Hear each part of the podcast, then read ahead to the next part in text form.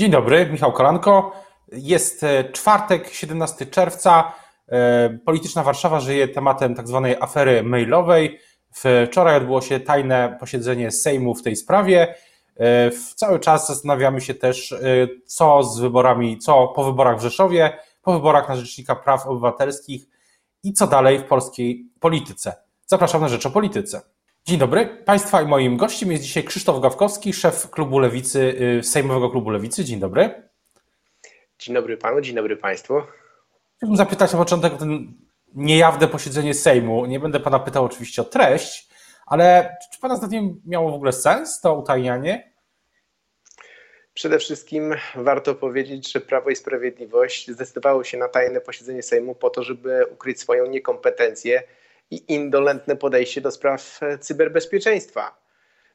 To dla nikogo nie jest tajemnicą, że sprawy cyberbezpieczeństwa są ważne. Lewica wielokrotnie zwracała uwagę na aspekty wycieku danych osobowych. Ja tylko przypomnę, że w lutym 2020 roku ponad 50 tysięcy danych funkcjonariuszy prokuratury i e, sędziów zostało ujawnionych. Następnie w kwietniu tego roku ponad 20 tysięcy danych pracowników policji, służb specjalnych, które wyciekły i rząd nie robi sobie z tego nic, nie odpowiada na żadne pytania, nie robi, nie wdraża żadnych norm i standardów, które mogłyby temu przeciwdziałać. Można powiedzieć w skrócie jednym zdaniem, panie rektorze, że sterylność intelektualna rządu w sprawie cyberbezpieczeństwa jest bez, bez precedensu. Naprawdę, to po prostu poraża. Ale może, może, jak mówię, nie będę pytał o treść, ale zapytam o ogólną atmosferę. Jak pan w Sejmie, będąc zwłaszcza na miejscu teraz, można wiele odczytać z atmosfery, więc jakie jest Pana wrażenie, jaka atmosfera panuje w Zjednoczonej Prawicy? Jest przygnębienie, czy raczej poczucie no, wszystkim... rozbawienia może nawet?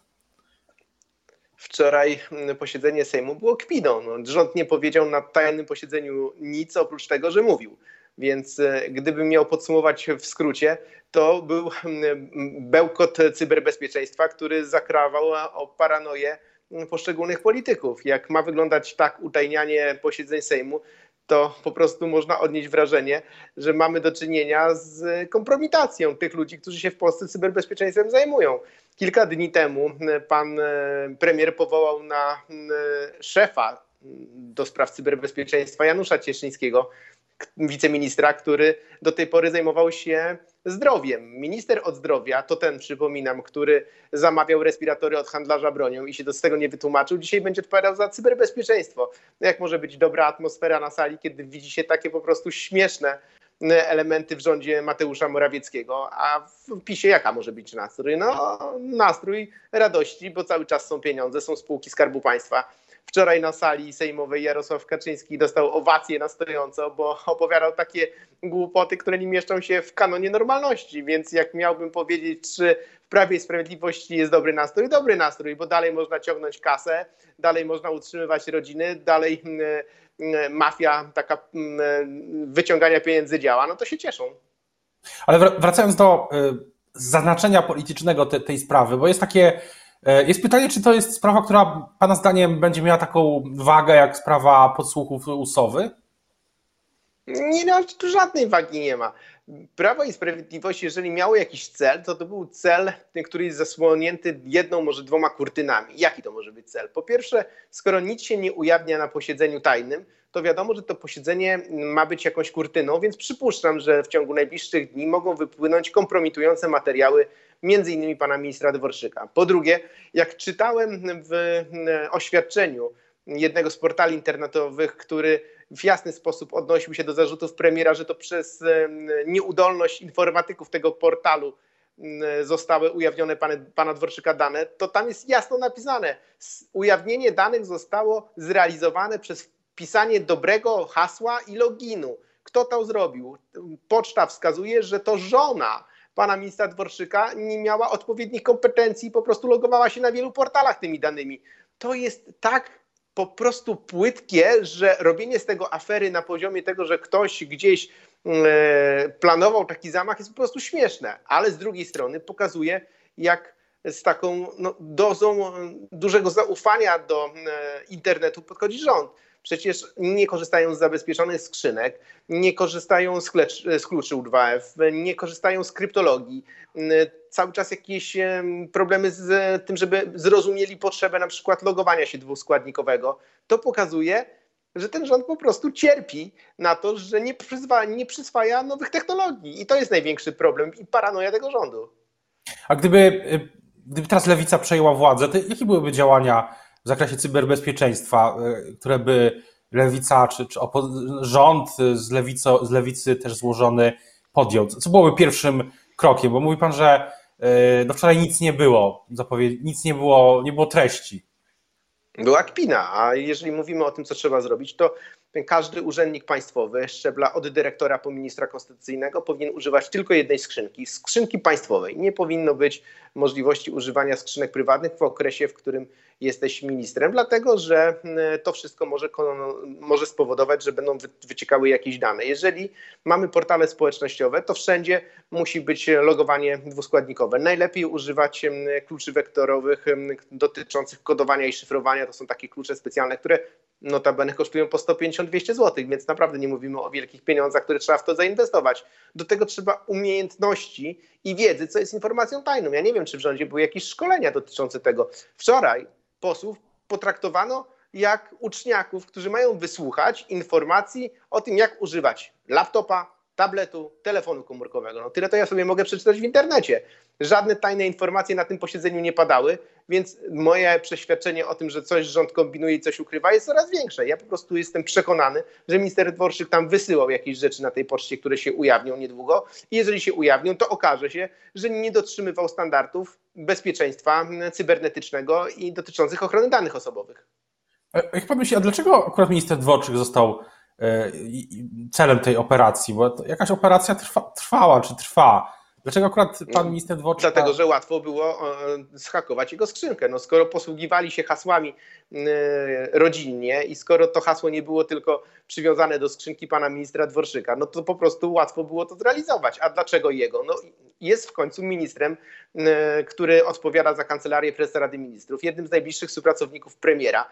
Jest osobą, która ma wiedzę o tajnych materiałach i różnego rodzaju decyzjach, które podejmuje polski rząd. No to on jest dla każdej służby, bez względu czy ze wschodu, czy z zachodu, czy z północy, czy z południa Europy, czy świata, no takim łakomym kąskiem. Przecież każdy polityk szczebla ministerialnego i, i wpływu na wydarzenia codzienne, mający dane i dostęp do tego, co robi Agencja Bezpieczeństwa Wewnętrznego, Agencja Wywiadu, powinien mieć trochę rozumu w głowie. Tutaj nie trzeba zbyt wiele.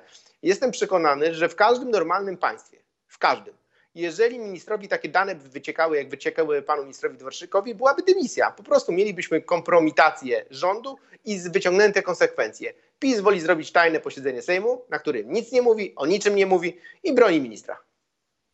A pytanie, pytanie jest też o inne wydarzenia polityczne tego tygodnia. Czy jest pan rozczarowany tym, że nie udało się opozycji wybrać rzecznika praw obywatelskich, własnego kandydata w sensie?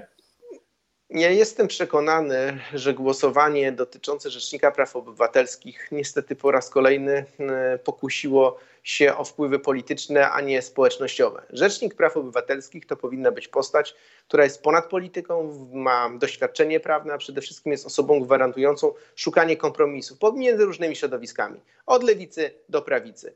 My na opozycji czuliśmy, że pan profesor Wiącek jest taką postacią. To znaczy może e, umiejętnie balansować pomiędzy rządzącymi a opozycją, umie stawać w obronie pokrzywdzonych, będzie rzecznikiem społecznym. Niestety pani Lidia Staroń jest antytezą tego pani Lidia Staroń nie uzyska poparcia lewicy w wyborach na Rzecznika Praw Obywatelskich w Senacie, dlatego że wielokrotnie udowodniła, że staje po stronie politycznego sporu tam, gdzie jest obóz rządzący. I my uważamy, że Rzecznik Praw Obywatelskich nie powinien być związany z partią rządzącą, dlatego że Rzecznik Praw Obywatelskich polityczny to jest koniec kolejnej ważnej instytucji w Polsce, która ma wpływ na demokratyczne państwo i broni tego państwa. A co będzie teraz w Senacie? Czy, czy pakt senacki utrzyma kontrolę nad Senatem w tej, w tej, w tej decyzji y, nad RPO? Ja jestem przekonany, że my musimy mieć świadomość tego, że Senat Miejsce wyborów 19 roku pokazało, że w Polsce można wygrywać wybory i powinniśmy robić wszystko, żeby dotrzymać tego, aby mm, nie oddać w ręce PiSu tego mm, jednego z najważniejszych organów państwa. Powinniśmy zrobić wszystko, żeby PiS wiedział, że ostoja w Polsce demokracji jest w Senacie, więc wszystkim politykom, polityczkom w Senacie, senatorom i senatorkom powinno na tym zależeć. Ale są też pewne granice absurdu i chaosu, w którym będziemy uczestniczyli. Jeżeli się okaże, że w sprawach tak fundamentalnych jak wybór Rzecznika Praw Obywatelskich pakt senacki nie działa, bo na przykład ktoś się wyłamuje, no to wtedy się trzeba zastanowić, czy ten pakt senacki ma sens. Bo jeżeli my w sprawach fundamentalnych będziemy ustępowali PiSowi, to znaczy, że my nie jesteśmy do tego zdolni, żeby utrzymywać tam większość i wtedy ta większość może się rozpaść. Więc pakt senacki i będzie się ważył przy wyborze pani Lili Staroń. A czy uważa Pan, to jest decyzja marszałka Grodzkiego Konwentu e, Senackiego, ale czy te, to głosowanie powinno być szybciej czy później? Ja uważam, że tutaj też nie ma co zwlekać i dawać PiSowi kolejnych argumentów, że ktoś coś przeciąga. To nie chodzi o to, żeby głosować to w ciągu tygodnia, ale też nie ma co tego terminu wydłużać maksymalnie.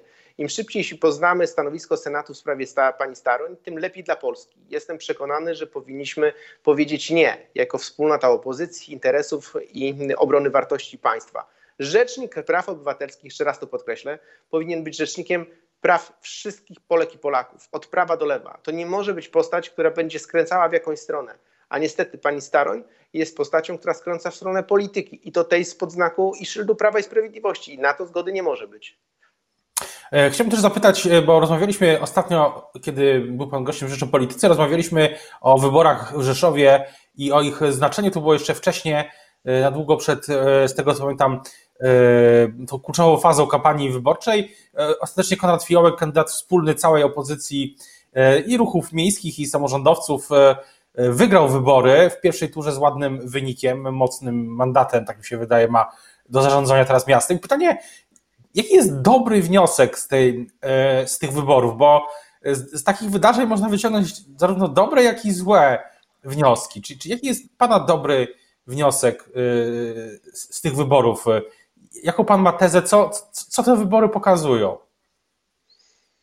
Mam kilka bardzo pozytywnych wniosków z wyborów w Rzeszowie. Po pierwsze, że Konrad Fiołek jako kandydat społeczny mm, miał olbrzymie szanse wygrać te wybory nie dlatego, że był popierany tylko i wyłącznie przez partie polityczne, dlatego, że miał duże poparcie u siebie na dole, czyli w lokalnej społeczności u Rzeszowian, Rzeszowianek i tam zbudowała się pozytywna energia, więc w wyborach samorządowych warto stawiać na sojusze ponadpolityczne. Po drugie, warto współpracować na opozycji w sprawach fundamentalnych ze zrozumieniem, to znaczy szanując się i uważam, że partnerstwo opozycję buduje buta i przekonanie, że ktoś jest najważniejszy albo jest liderem opozycji, tą opozycję niszczy.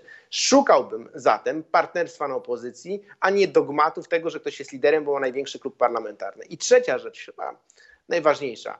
Wygrało serce demokratycznego Rzeszowa. Wygrali ludzie, którzy uwierzyli, że nie muszą mieć polityka, usterów rządów w Rzeszowie, a mogą mieć społecznika. Społecznika, który będzie dotykał lokalnych problemów, który będzie jeździł od dzielnicy do dzielnicy, który nie będzie szukał poklasku, żeby przyjeżdżać do telewizji do Warszawy, tylko będzie uważał, że jego stolicą jest jego miasto, czyli Warszawa. E, przepraszam, czyli Rzeszów. Więc e, to jest droga, która powinna być takim elementem myślenia strategicznego przy rozmowach opozycji o przyszłości.